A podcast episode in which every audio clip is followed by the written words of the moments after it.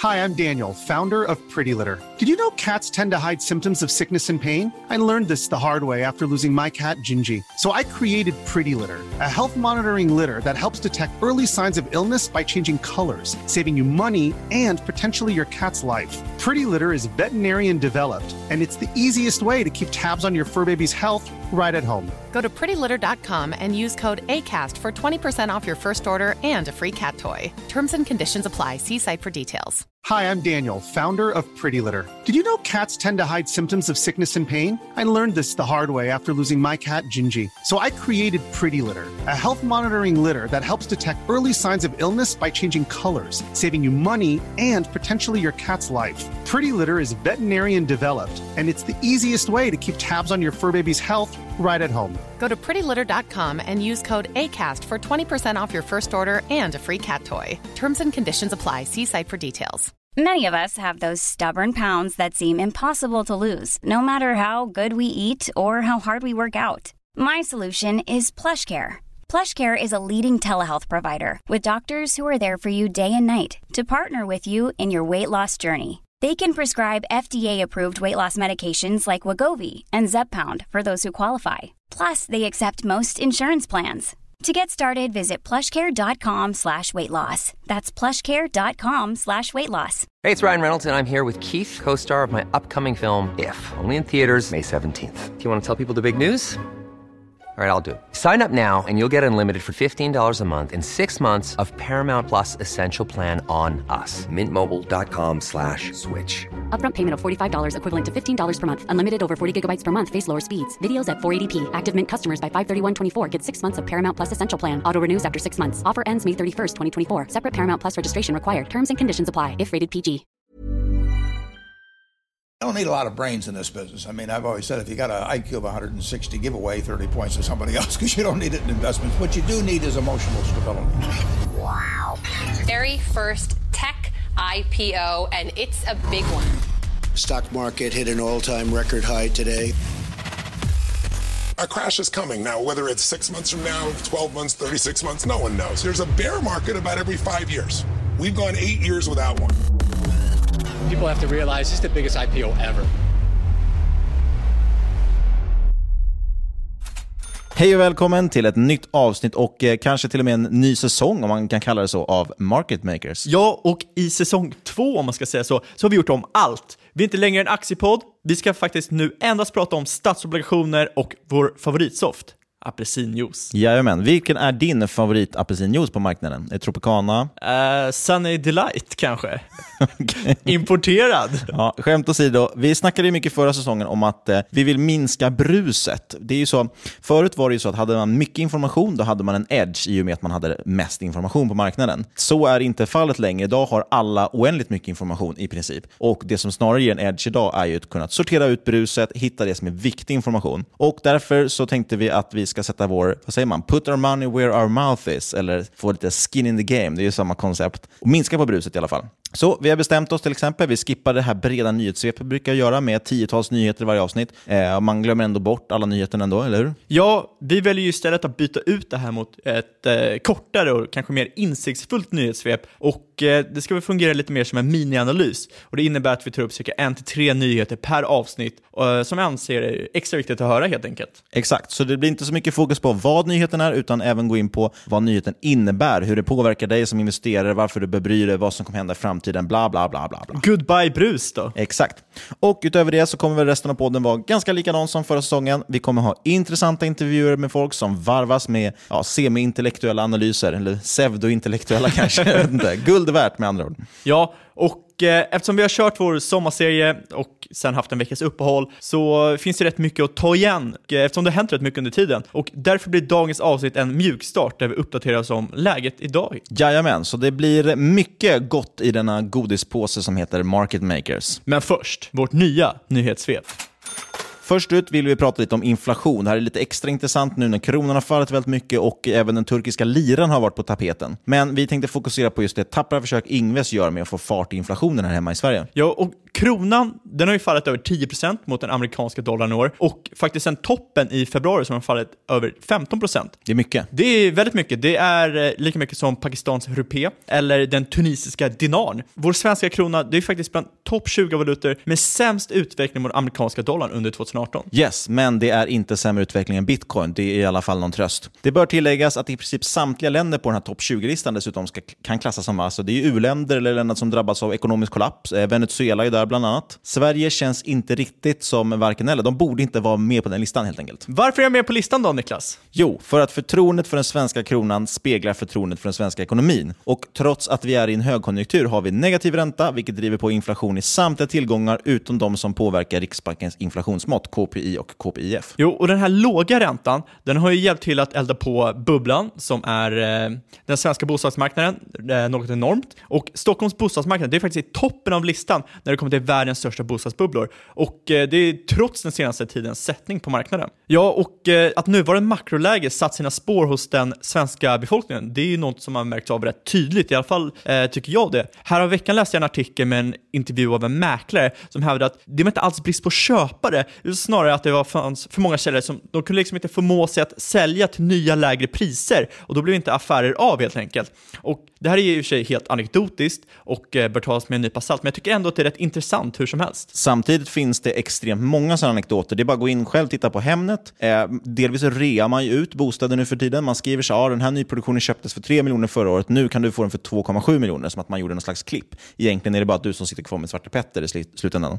Och överlag, det ska man ju vara medveten om tycker jag, om man ska köpa ett boende idag. Det är faktiskt köparens marknad idag, inte säljarens. För bara något år sedan i Stockholm, då var det ju så att skulle du köpa en lägenhet, ja då gällde det, du var ju tvungen att veta att du hade en lägenhet att köpa, för att folk köpte saker innan visning. Så att det var liksom, du visste inte ens om om du kunde faktiskt köpa någonting. Så du var tvungen att köpa något klart, först ha det klart innan du kunde sälja en lägenhet. Nu är det tvärtom. Jag vet flera fall redan där folk har eh, köpt en lägenhet och sen så får de inte sin egen lägenhet såld. Eller så måste de sälja den alldeles för billigt så de går back på det. Och eh, ja, det är lite tokigt. Jo, men många verkar inte vilja inse att det är så en marknad fungerar. Det kan inte bara gå upp i all oändlighet. Förr eller senare måste det gå ner också. Och det är bra. Det är så en marknad ska vara. Ja, för det är så faktiskt att en majoritet av svenskarna förlitar sig på att bostaden ska gå upp i värde. Man vill väldigt, väldigt gärna tro att det ska fortsätta också, att det här bara var en liten sättning eller någonting. Men jag tror att det kommer bli värre. Eh, det är faktiskt så, hur, bara så här, hur många ser inte sin bostad som deras pension? Alltså som deras huvudsparande. Att när jag går i pension, ja, då har den stigit si och så mycket i värde, då kan jag sälja den och leva gott. Eh, det är dessutom jättemånga som belånar sina bostäder för att kunna kosta på sig en ny bil eller båt eller någonting. Och det driver också på Sveriges ekonomi. Så att allt det här kokar liksom ner till att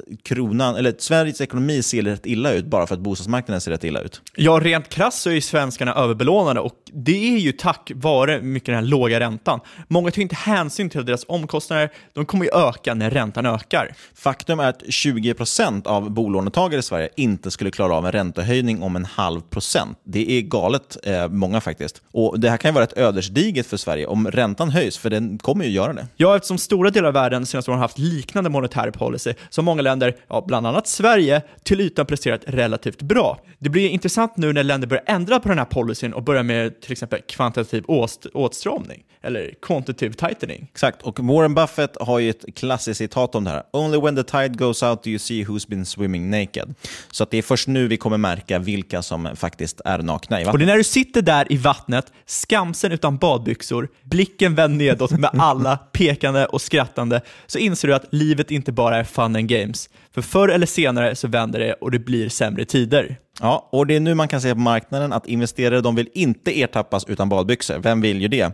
Rädslan för den potentiella nedgången är ju det som investerare försöker positionera sig för nu. Det är ju stora utflöden, inte bara ur den svenska kronan, utan EU som helhet. Den amerikanska centralbanken Fed har ju fram till nyligen varit den enda centralbanken i världen som kört ett strypande monetärt program, vilket inneburit inflöde i dollarn och utflöde ur allt annat. Precis, och amer- alltså amerikanska dollarn är fortfarande världens reservvaluta oavsett om man vill att bitcoin ska vara det eller inte. Och Det är därför många vill äga dollarn när det blir skakigt. Framförallt också om den kan garantera lite yield som man nu får på deras statsobligationer. Och Det har ju påverkat allt från råvaror som har negativ korrelation med dollarn till emerging market som har fallit extremt mycket i år. Och Det är ju för att de här länderna måste ha tillgång till dollar och för att kunna betala av skulder och handla utanför landet. Man brukar ju prata om en, en, att det är en form av, eh, egentligen en short squeeze i dollarn. Och Då menar man inte en short squeeze om när folk har blankat någonting, utan att det faktiskt finns för få dollar att få tillgång till. Och då, ja, när utbudet är lägre än efterfrågan så stiger priserna. Ja, har du en record short så måste det bli en record buy till slut. Exakt. Och den stora frågan kommer ju nu när andra centralbanker börjar följa efter Fed och deras quantitative tightening.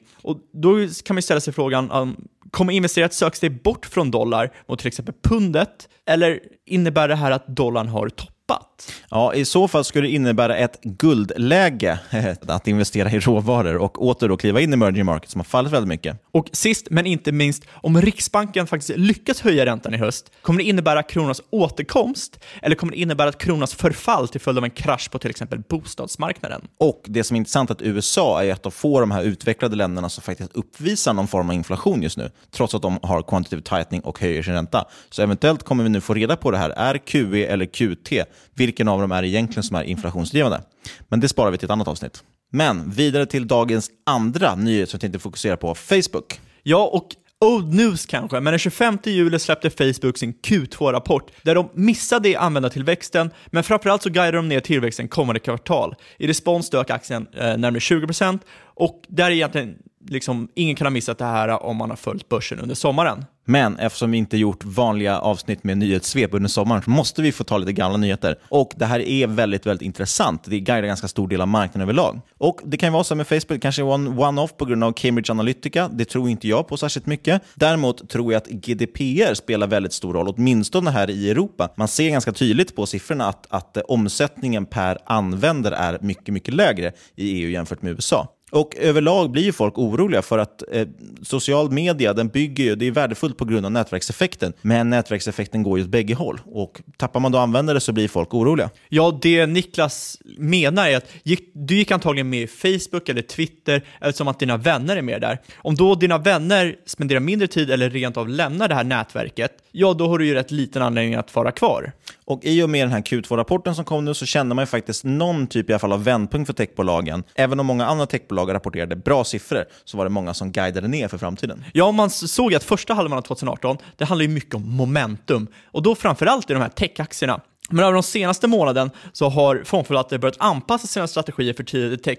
Ja, där tech kanske inte presterar lika bra som tidigare. Och det här innebär att många förvaltare börjat vikta ned i tech och framförallt sin exponering mot fangbolag, alltså Facebook, Amazon, Netflix och Google, till fördel för en ökad viktning i energi och materials. Och när tre aktier, Amazon, Netflix och Microsoft, har agerat draglok för hela S&P 500 och faktiskt stått för 70% av avkastningen för S&P 500 under första halvåret, ja, då innebär det att om vi har utflöden där så kanske det är slutfästat för börsen i helhet också. Och det här leder oss in på det som vi pratar om idag.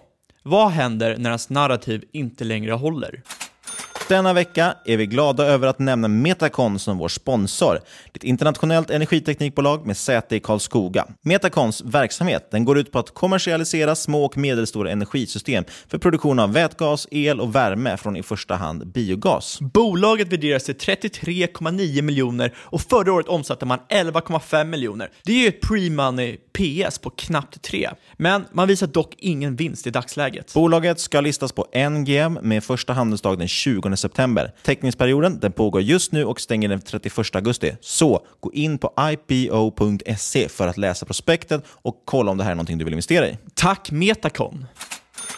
Eftersom det var fem veckor sedan vi hade en vanlig podcast så att säga, så tänkte vi ta lite uppvärmningsavsnitt där jag och Fabian pratar lite om vad vi anser om börsen idag, vad vi tror om börsen framöver och framförallt fokusera lite på hur narrativen ser ut. Ja, Benjamin Graham brukade säga att börsen kortsiktigt är en röstningsmaskin och långsiktigt en vägningsmaskin. Och det Graham egentligen menar är att börsen i stort sett är en gissningsmaskin. Mycket maskiner nu, där alla som deltar får vara The med. Economic machine. där alla får vara med och delta, vart var jag? Och där alla som eh, deltar får vara med och satsa pengar på det de tror kommer hända i framtiden. Så om eh, du och jag till exempel tror att Coca-Cola kommer att vara ett företag som ökar sin vinst, ja då tänker jag satsa mina pengar där och jag får direkt en belöning om jag har rätt för att då kommer aktien stiga i pris. Tror jag att USA kanske kommer gå bättre än EU, ja då kanske jag hellre vill äga dollar eller amerikanska aktier eller amerikanska statsobligationer och då kommer jag få belöning för det så att säga. Så att det är helt en form av maskin där man röstar på vad man tror kommer att stiga i pris genom att det då satsar pengar på att det stiger i pris. Exakt, och det är det som leder in i vad som ofta brukar kallas för narrativ och det är det vi vill prata om idag. Och Fabian, vad är ett narrativ? Jo, i grund och botten innebär ett narrativ bara en berättelse eller en världsbild om hur man tror framtiden kommer spela ut och förändringar i narrativ, det har ju faktiskt kraften att påverka investeringstrender. Ett vanligt narrativ som vi kan eh, lyfta som exempel, det är det här med e-handeln exempel. Man tror att e-handeln kommer dominera detaljhandeln och eh, därför ska man investera i e-handlare som Amazon, mycket hellre då än de här brick and mortar butiker som Macy's till exempel. Ett annat vanligt narrativ är att västvärlden står inför stora demografiska förändringar på grund av bland annat att befolkningen blir äldre och eh, kommer minska tillväxten i länderna. Ja, och att det är väldigt deflatoriskt. Ett tredje vanligt narrativ, ja, det är att om man köper de 50 största bolagen i S&P 500, då behöver de, man egentligen inte bry sig om värderingar, för jag menar de här bolagen är så pass stabila och växer så pass bra, så det, det gör ju inte något om man köper dem dyrt. Nej, just det! Den sista är inte alls ett av dagens narrativ, men det var det för 50-60 år sedan, när det var gängse att köpa så kallade Nifty 50-bolag. Och det gäller ju att ta in så mycket kvalitativ information som möjligt för att förstå dagens narrativ, både ditt egna och andras. Och man måste också samtidigt vara beredd på att ändra sig om ny information motbevisar tidigt narrativ.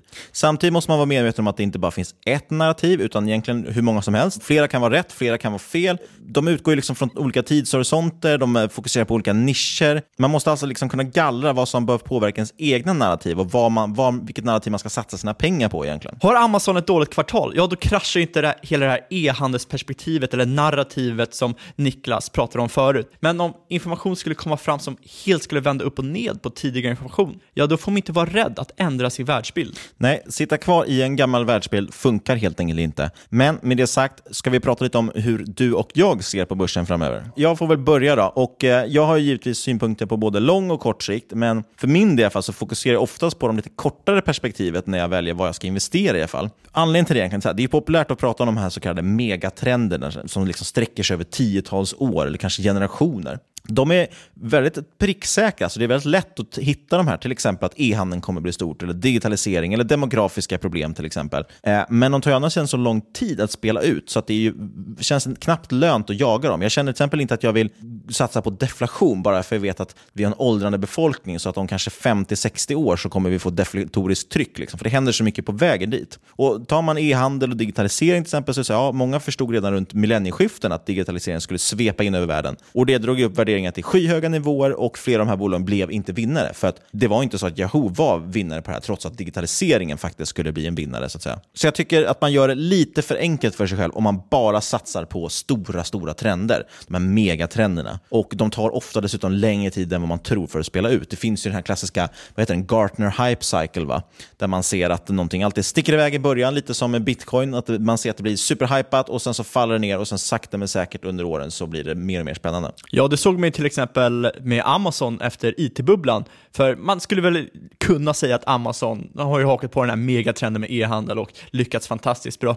Men det höjdes ju till skyarna, kraschade som in i helvete om man får säga så. Sen tog det tio år tills aktiekursen var tillbaka på samma nivåer igen. Exakt, och i efterhand så ser det jättefint ut. Det ser ut som att ja, men jag hade bara kunnat sitta lång det där, för det är ju en parabolisk kurva. Men när du väl satt där under IT-kraschen så var det inte så roligt att äga Amazon och det var inte det heller efterföljande liksom, ja, fem till tio år. Men så ett av de narrativ jag oroar mig för just nu, som jag faktiskt genuint tycker är oroligt också, det är just att, som vi har nämnt, många snabbväxande techbolag de börjar guida ner för framtiden. Vi ser att tillväxten börjar se ut att kunna minska. Eh, många orosmoln tornar upp sig. Vi har regleringar, vi har sjunkande förtroende för social media och eftersom många av de här bolagen just har prisats för perfektion blir fallhöjden ganska stor. Eh, och generellt, som vi nämnde med fondflöden och så här, vi ser just nu att det sker en rotation ut ur tech. Det här är något vi har sett ganska tydligt också under sommarens rapportperiod. Vi hade Twitter minus 25%, Facebook minus 20%, Netflix minus 15%, bara för att nämna några. Och då kommer det här, man brukar skämtsamt säga att om du gillar Facebook på 200 dollar, då borde du älska den på 170 dollar. Eh, men det är ju så här, äger man ett case av fundamentala anledningar och gillar det på lång sikt, ja då ska man nyttja de här dipparna till att köpa mer. Jag har själv i alla fall inför sommaren viktat ner i aktier jag tycker har, liksom, har ansträngda värderingar. Men jag behåller de som jag inte känner mig orolig för på sikt. Och sen då i de bolagen kan man ju nyttja de här dipparna för att öka på. Och även i de andra bolagen, så de som jag viktat ner i, så kan man köpa på sig också om man tycker att nu börjar värderingen se okej okay ut. Men då måste man såklart räkna in den här nya liksom, lägre lägre tillväxten i det caset.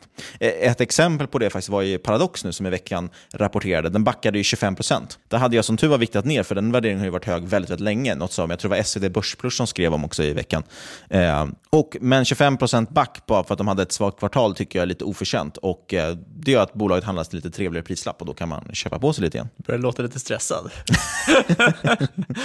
ja, och eh, för att få in detta i diskussion om narrativ så kanske man ska trycka på att momentum momentum-traden som funnits i techbolag, ja den kanske ser ut att vara över. Precis, tidigare kunde man ju köpa egentligen vad som helst, oavsett om man tjänar pengar eller inte, så länge man hade användartillväxt. Och jag tror i alla fall att det är slut nu. Jag tror att kassaflöden kommer börja spela roll igen. Eh, Jag tror att man ska äga bolag som genererar kassaflöden och köpa dem till bra värderingar. Allt det här börjar helt plötsligt spela roll igen. Vad säger du om det? Så tror jag absolut. Man ser alldeles för många bolag som har eh, balansräkningen, det går inte riktigt ihop. Eh, folk kollar åt andra hållet för negativa kassaflöden. Du har Uber, du har Airbnb, du har Tesla. Jag tror att du kommer gå från det här storyperspektivet du har idag, där du bygger upp en story, ah fan, framtiden elbilar, woho! Och du kommer vilja ha return on investment, det kommer spela mycket större roll när pengar inte blir lika lätt att få tag i. Exakt. Och en annan sak som jag faktiskt gärna köper mer av när det går ner i pris är ju guld. Varför då? Jo, för att jag tror att inflationen är på gång. Jag tror att den, den kommer komma nu. Delvis där som vi nämnde lite snabbt, bara typ med att eh, jag tror att quantitative tightening faktiskt kan visa sig vara inflatoriskt. Eh, ett jätteintressant grej faktiskt som jag nämnde, det är Eric Cinnamon heter en kille. Han följer hundratals conf calls varje kvartal och försöker genom de här utläsa trender i vad bolagen pratar om. Han skriver ner bland annat vilka ord de nämner och, och sådär, sammanställer det. En av de tydligaste trenderna han har sett senaste kvartalen är ju just ökad oro för inflation. Och det här stämmer väl överens med att vi är i slutet av en högkonjunktur, vad jag tror då i alla fall. Och då brukar löneökningar och råvarupriser öka, vilket är en kraftig ökning ger inflation. Vi ser också att eh, i US- i USA så börjar faktiskt inflationen närma sig 3% och vi har ju noterat ett antal bolag som i sina rapporter under sommaren kommenterat att ah, vi kommer behöva öka priserna. Eh, de som inte har ökat sina priser har faktiskt gjort sämre vinster då. Föredrar du då fysisk guld eller värdepapper? Det är en bra fråga. På ideologiska skäl så skulle jag föredra fysisk guld, men jag köper oftast i cert för att jag är inte så jätteorolig för att de som utger certen ska gå i konken. så faktiskt. Eh, det vore jäkligt tråkigt om de gjorde det i och för sig. Man har ju alltid en motpartsrisk då såklart. Men å andra sidan så är det himla smidigt med likviditeten att du på samma dag kan bara sälja ditt cert. Men bara för att gå tillbaka där med prisökningar så tror jag verkligen, ska man äga aktier i den här miljön som vi kliver in i, då gäller det att leta bolag med pricing power, alltså bolag som själva kan öka sina priser. De som inte klarar av att göra det, eh, som inte kan höja priserna i takt med att råvaror och lönekostnader ökar, de kommer ju få jätteproblem. Sen, är bara en sidospår också, vi har ju sett det här med shrinkflation, har jag för mig att det kallas, har vi sett redan flera år. Att man minskar storleken på förpackningar. Det är också ett sätt att, att komma runt det. Man har samma pris, men man minskar storleken på förpackningar. Men i alla fall, guld. Ja, jag gillar guld. Jag gillar råvaror överlag. De är väldigt billiga i förhållande till sina historiska nivåer. Vi har pratat om råvaror sedan ja, i höstas i alla fall. Vi har inte haft podden så mycket längre än så. Eh, och Det är som sagt typiskt liksom sencykliskt att råvaror ökar i pris. Nu har vi tyvärr ett handelskrig dock som gör att det är lite svårt att pricka rätt här. För att du kan köpa vete och så nästa dag så kommer det ut tullar mot vete eller någonting. Och därför blir ju guld då, tycker jag extra intressant. Det används ju relativt lite i produktion och därför är det ganska liten risk att det skulle påverkas av handelstullar. Okej, guld är intressant. Du tycker också om råvaror. Det gör jag också. Men stora frågan här, har du något liksom, exempel, något som du tycker är extra intressant just nu? Jag har ett bra exempel som jag har varit investerad i tidigare, men eh, som sagt, timingen där är jättesvår. Råvaror har överlag väldigt långa cykler, där man först nu, till exempel då när man har högkonjunktur, ja, då ökar efterfrågan, då börjar man kanske öppna nya gruvor och så ska dra man ut de här grejerna liksom, ut på marknaden och då helt plötsligt får vi liksom ett, eh, ja, vi har en högre efterfrågan än utbud helt enkelt. Det är därför det alltid brukar stiga i slutet på en, en högkonjunktur. Men ett extremt exempel på billig, billig råvara är väl till exempel uran. Sedan 2012-2013 någonstans handlas det faktiskt till nivåer under produktionskostnad. Det kostar alltså mer att ta fram uranet än vad du får när du säljer det. Och det är ju uppenbarligen inte en hållbar situation.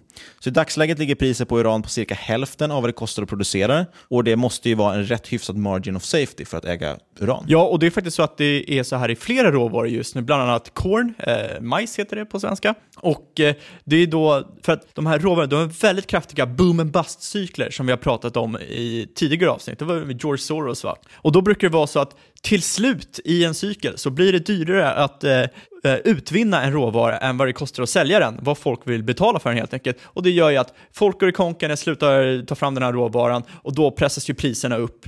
Så är det så i en evig cykel. Precis. Och eh, tyvärr då är det ju lite svårt. Jag har ju tidigare till exempel ägt den här URA, den här ETFen mot uran.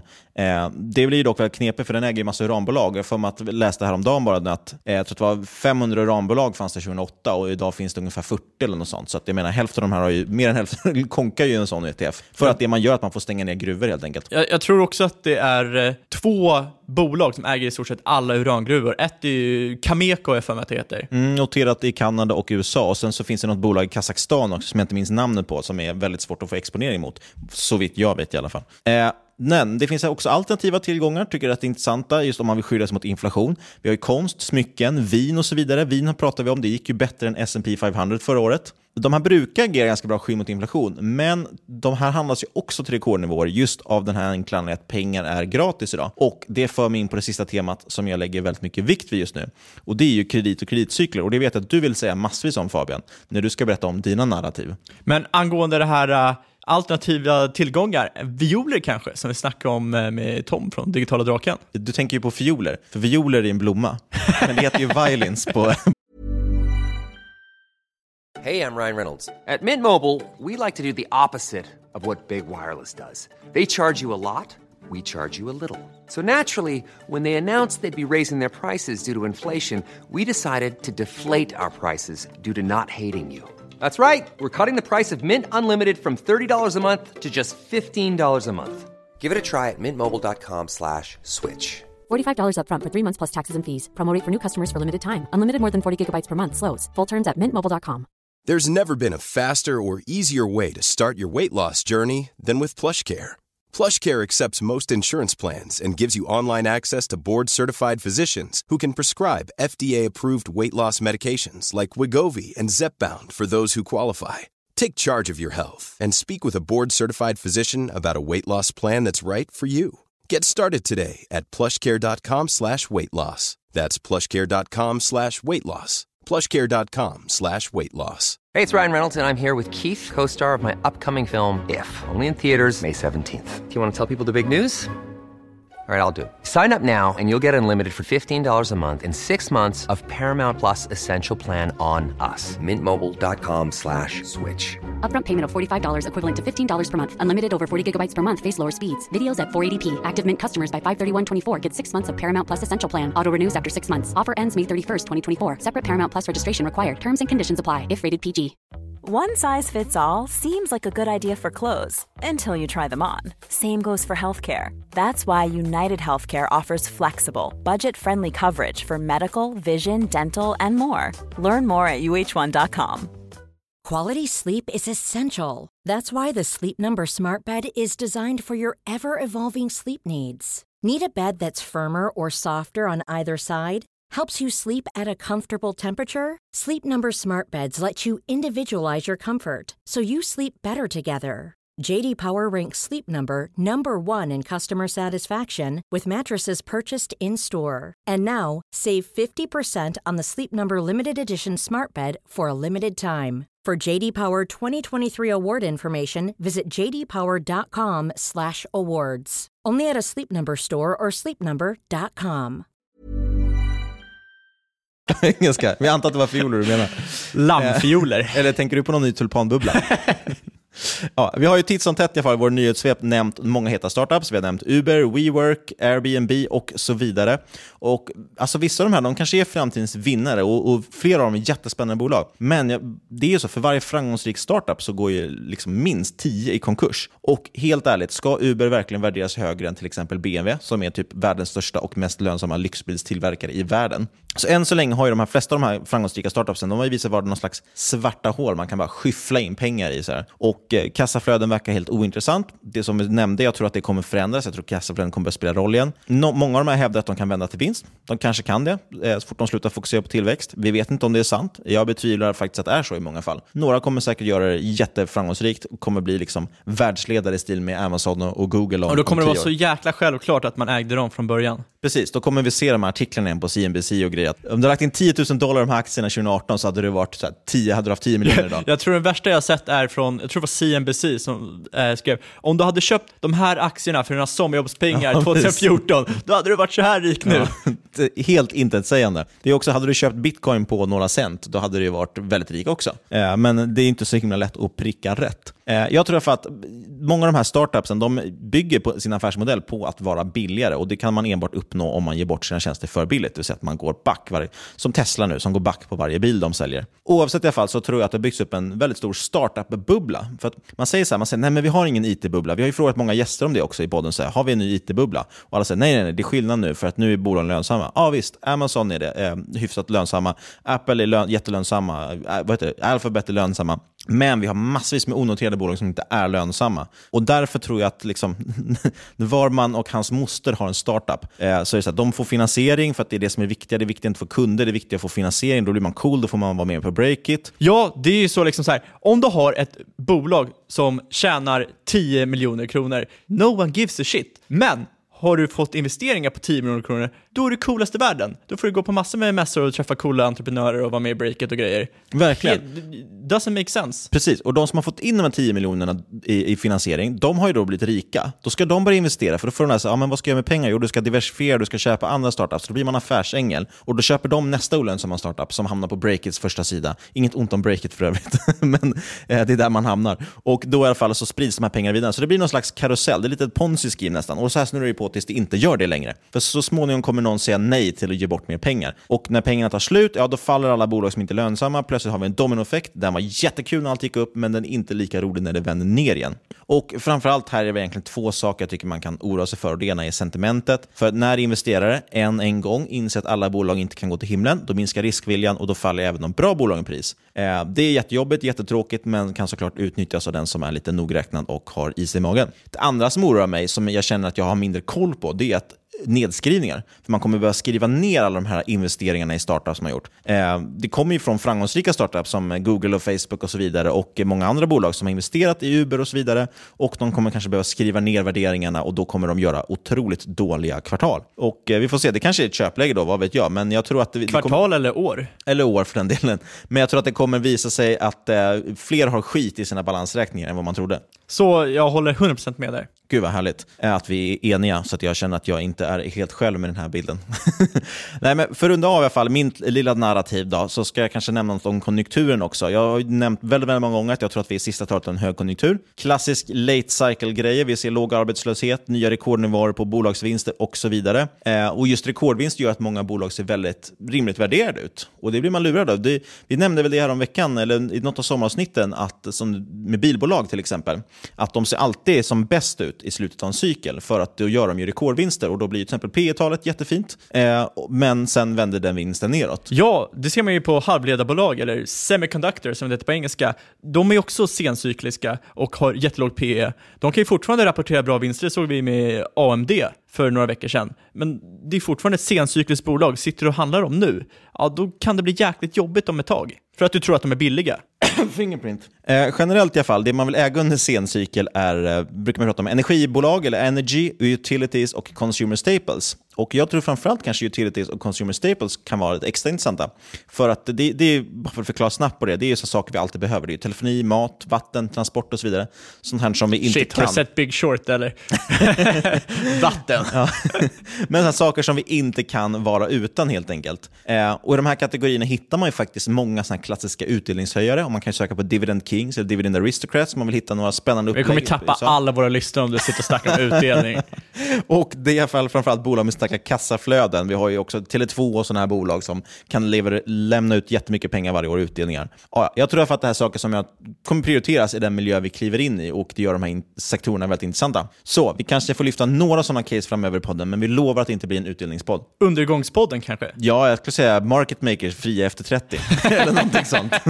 efter 50 avsnitt. Ja, det är väl samma sak. Pensionär efter 50 avsnitt. Ja, ska vi hoppa vidare på till, till mig? Ska jag ta Ska vi ta det eller ska vi skita i det? Nej, ah, okay, Du får berätta. Du har, du ju faktiskt lite mer underbyggda. Du, du brukar generellt ha lite bättre grejer. Så nu får du köra det. Det kan jag inte hålla med om. Jag kan ju säga så här det narrativ jag följer, eller inspirerad av, det är ju starkt inspirerat av personer som Peter Schiff, eh, Ray Dalio, John Maldin och Neil Howe. Den absoluta grundstenen då i mitt narrativ, det är ju något vi pratat om förut i podden och någonting som Niklas tog upp eh, i sitt narrativ, eller Ja, det, det, narrativ det kommer bli mycket här som går in i varandra antagligen. Ja, vi umgås rätt mycket med varandra och pratar rätt mycket, så det blir liksom, vi har rätt mycket... Egentligen borde man ju podda med någon som tycker något helt annat. Ja, exakt. Med en utdelningsinvesterare. Ja, men... Jag har ju tydligen blivit en sån, så det kanske löser Du sig. pratar väldigt mycket om utdelningar nu för tiden. Ja, det kanske är så. Men, grundstenen, om vi hoppar tillbaka till det. Vi har inte längre konjunkturer, vi har istället kreditcykler som påverkas av den monetära policyn. Och det innebär att när centralbanker trycker ner räntan så uppmuntrar det till lån och sen när räntorna går upp så försvinner likviditeten och vi blir avskräckta från att ta på oss mer skulder och där fortsätter en evig spiral. Och många tror att det här är resultat av eh, QE, POS, alltså quantitative easing, eh, efter finanskrisen 07-08.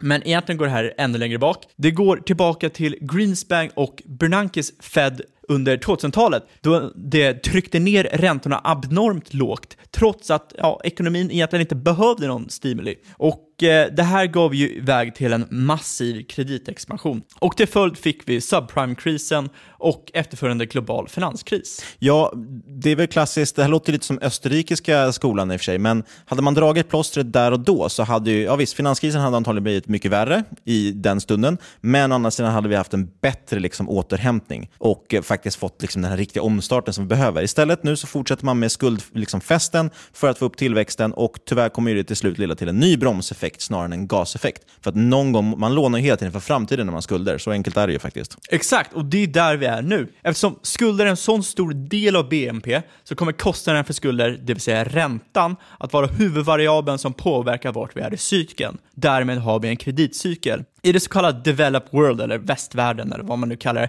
så finns det en fin hävstång på 286 procent. Det är alltså närmare 300 procent skuld till BNP. Det är alltså skuld är två gånger så högt som BNP. Och det är lite lägre i emerging markets, men det är fortfarande jäkligt högt. Och det innebär att det sarkastiska uttrycket “this time is different”, ja, det gäller ju faktiskt den här gången. Ja, vanligtvis så säger man att en konjunktur styr marknaden. Jag tror ju fortfarande att det finns kvar, bara att den förändras egentligen av att man har en kreditcykel också. Men det generella, det gamla klassiska är att man har en ekonomisk kontraktion, den drar ner spenderandet, vilket i sin tur minskar företagsintäkter, som i sin tur drar ner aktiemarknaden och sen därifrån börjar man op- få optimismen tillbaka och så snurrar det på. Det är ju konjunkturcykeln. Så är det. Däremot, om man har en kreditcykel så är det lägre tillgångspriser. Ja, det är inget resultat av en recession, utan det är snarare anledningen till en recession. Eftersom det är kredit som driver spenderandet och investerandet. Tar man bort kreditet, då försvinner det här andra och då får man en recession som följd. Ja, och att kredit är lätt att få tag på, det märks rätt tydligt på marknaden i och med till exempel de högriskobligationer som investerare lockas till med eh, typ antaganden att eh, de kommer fortsätta ha en hög likviditet och eh, troligtvis kommer de inte ha det.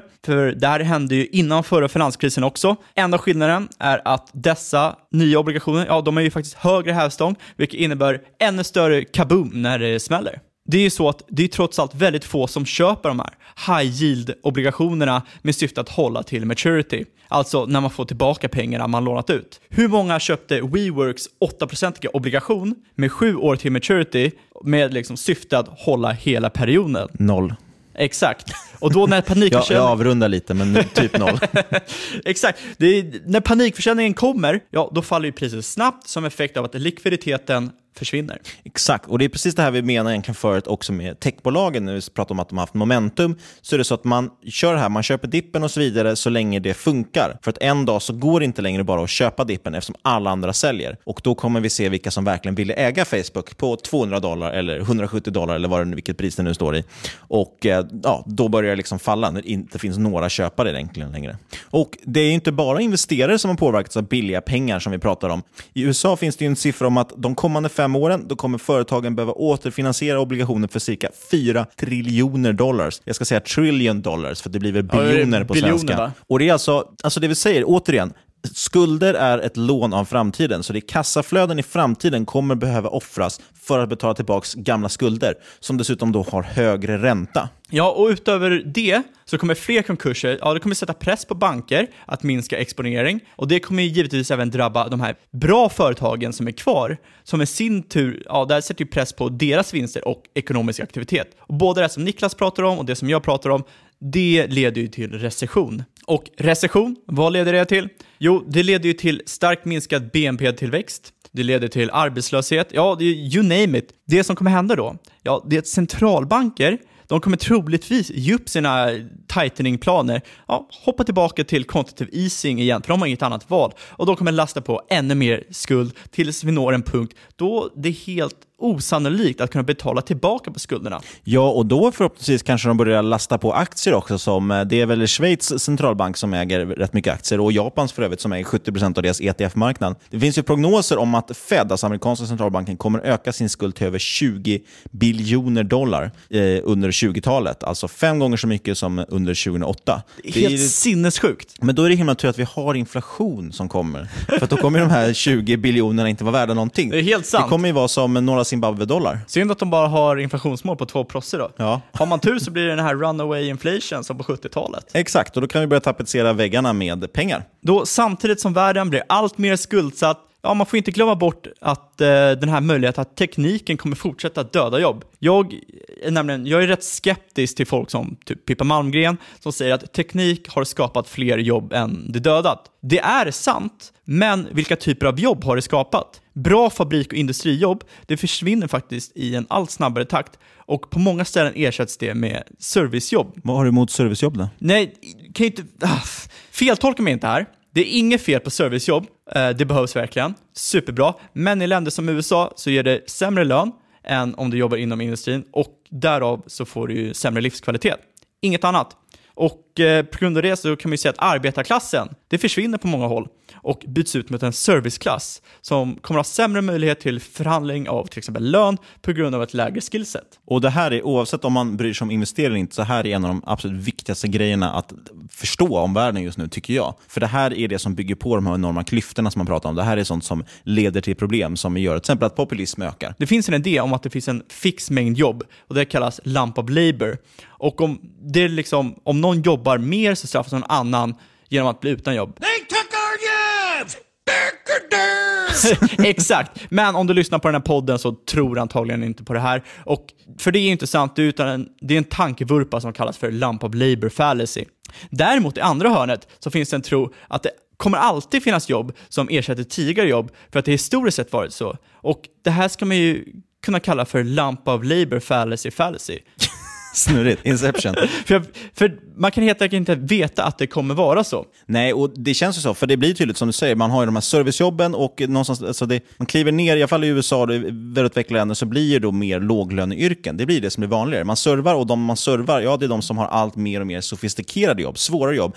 Det är bara att titta på hur det ser ut idag. Man måste ju ha en universitetsexamen i Sverige för att få jobb på ICA i princip. Och återigen, ingenting ont om att jobba på ICA, men det är orimligt att du ska ha en, en liksom treårig ekonomexamen för att jobba på ICA. Eh, du hade spenderat de, hade du spenderat de tre åren på att jobba på ICA så hade du varit mycket bättre på ditt jobb än om du hade gjort det i en ekonomihögskola.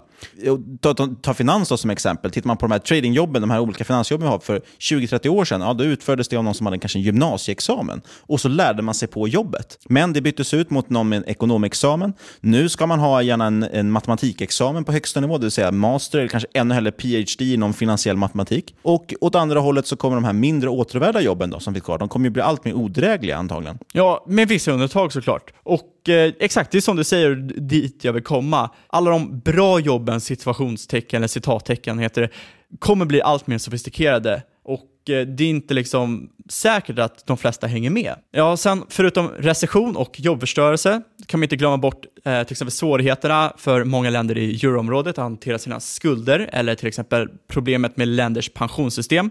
Men det är för mycket för att snacka om i den här podden, vi tar det i en annan podd. Det jag vill komma till är att det här kommer leda till att vi ser mer polarisering i samhället. Det är ett skifte vi redan börjat se i många länder där Centern ja, den har letat sig ut mot varsitt hörn.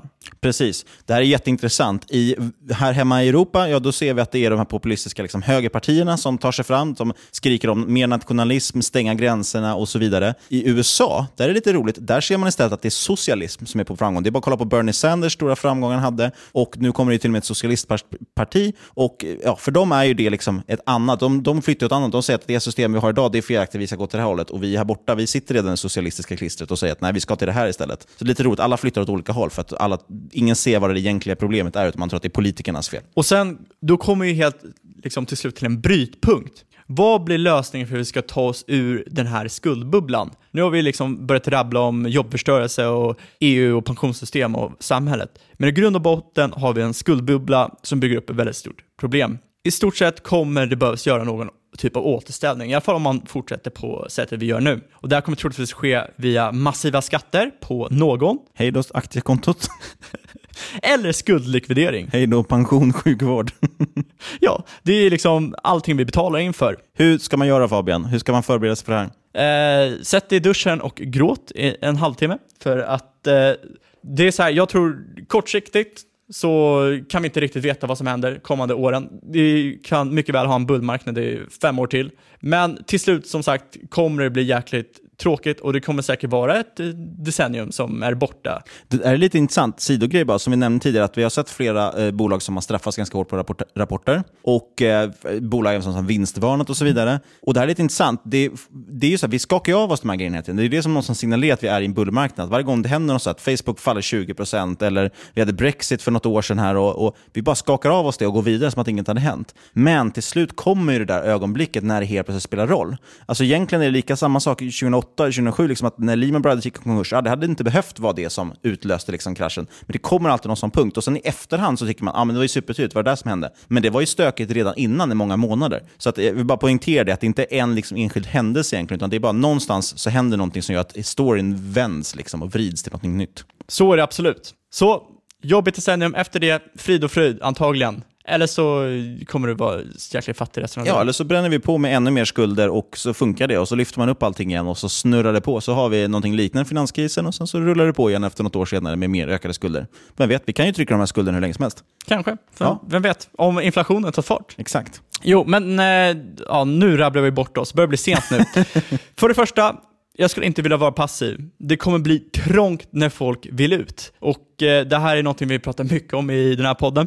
Sen innebär det ju inte att du inte kan ha index som ingår i en aktiv strategi, men då trycker jag på ordet aktiv. Sen, för mina kompisar i hashtag sparat krona, är du ung, alltså under 30-35, så skulle jag säga att du ska spara så mycket pengar som möjligt eh, och radera ut skulder. Framförallt skulder med hög ränta, typ kreditkort och liknande. Eller sånt som man tror kan bli hög ränta på. Exakt. Sen har jag läst en väldigt rolig grej som kallas för sell the liquidity, alltså sälj likviditeten. Och det tycker jag passar rätt bra in på vad man ska göra. Samtidigt som du ska vara rädd att hålla cash.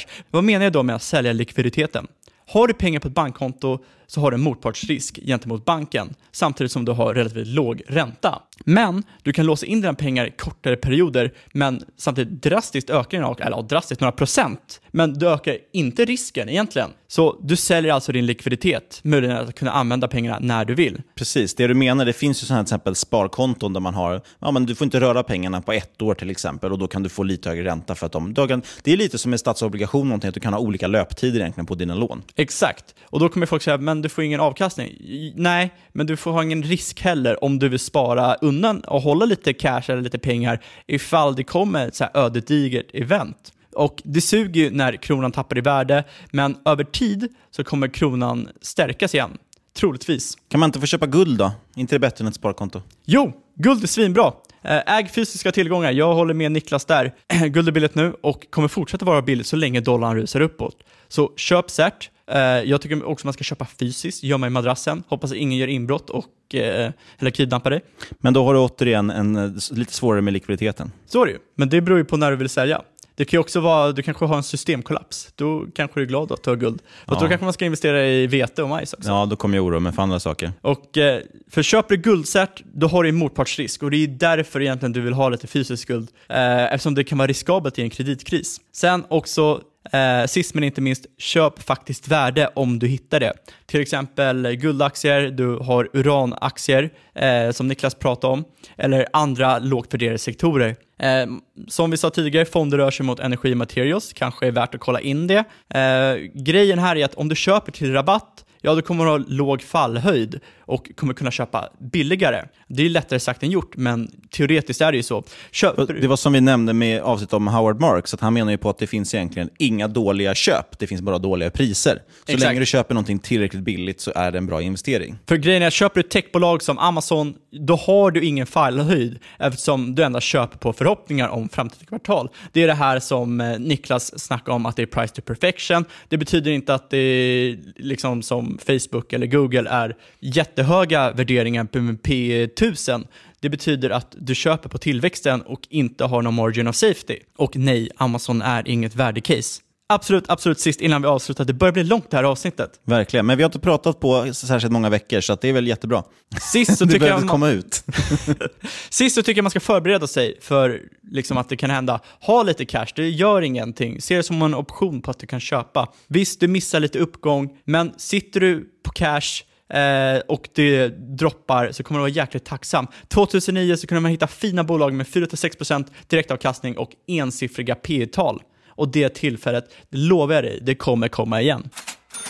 Ja, då var vi igång igen. Härligt, det känns bra. Det har varit ett långt avsnitt så vi ska försöka hålla avslutet kort här. Eh, men det var härligt att snacka igen och det känns som det finns mycket att prata om. Skicka in era lyssnarförslag. Skicka, har ni något förslag på något tema vi, vill att vi ska täcka av? Har vi några gäster vi ska ta med? Skicka det till podcast at marketmakers.se. Vi har som sagt en ny hemsida som vi håller på att jobba på. Det kommer komma lite grejer där, det kommer lite andra nyheter, det kommer bli jättebra. Eller så följer ni oss på Twitter, det är också smidigt, at marketmakerspod. Lämna jättegärna en recension på iTunes, det hjälper andra att hitta oss och det är vi jättetacksamma för. Verkligen. Och den här veckan som sagt, vi är sponsrade av Metacon. Gå in på ipo.se och kika på energiteknikbolaget. Vi har precis sagt att man, fonderna de roterar in i Energy bland annat. Det här kanske kan vara ett sånt case. De har sin teckningsperiod pågår just nu. Och som vanligt, inget du hört i den här podcasten ska ses som rådgivning. Alla åsikter är våra egna eller vår gästs och eventuella sponsorer tar inget ansvar för det som sägs i podden. Tänk på att alla investeringar är förknippade med risk och sker under eget ansvar. Jag vet inte om vi behöver dra någon innehållsförteckning. Vi har pratat om några bolag som vi kanske äger, men vi har å andra sidan inte sagt att man ska köpa något av de här bolagen. Sist men absolut inte minst, stort tack för att du har lyssnat. Kul att du vill vara med oss även denna höst. Det känns som att det börjar bli höst i alla fall.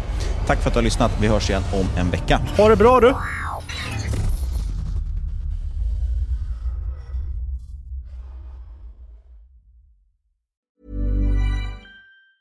Hi, I'm Daniel, founder of Pretty Litter. Did you know cats tend to hide symptoms of sickness and pain? I learned this the hard way after losing my cat, Gingy. So I created Pretty Litter, a health monitoring litter that helps detect early signs of illness by changing colors, saving you money and potentially your cat's life. Pretty Litter is veterinarian developed, and it's the easiest way to keep tabs on your fur baby's health right at home. Go to prettylitter.com and use code ACAST for 20% off your first order and a free cat toy. Terms and conditions apply. See site for details.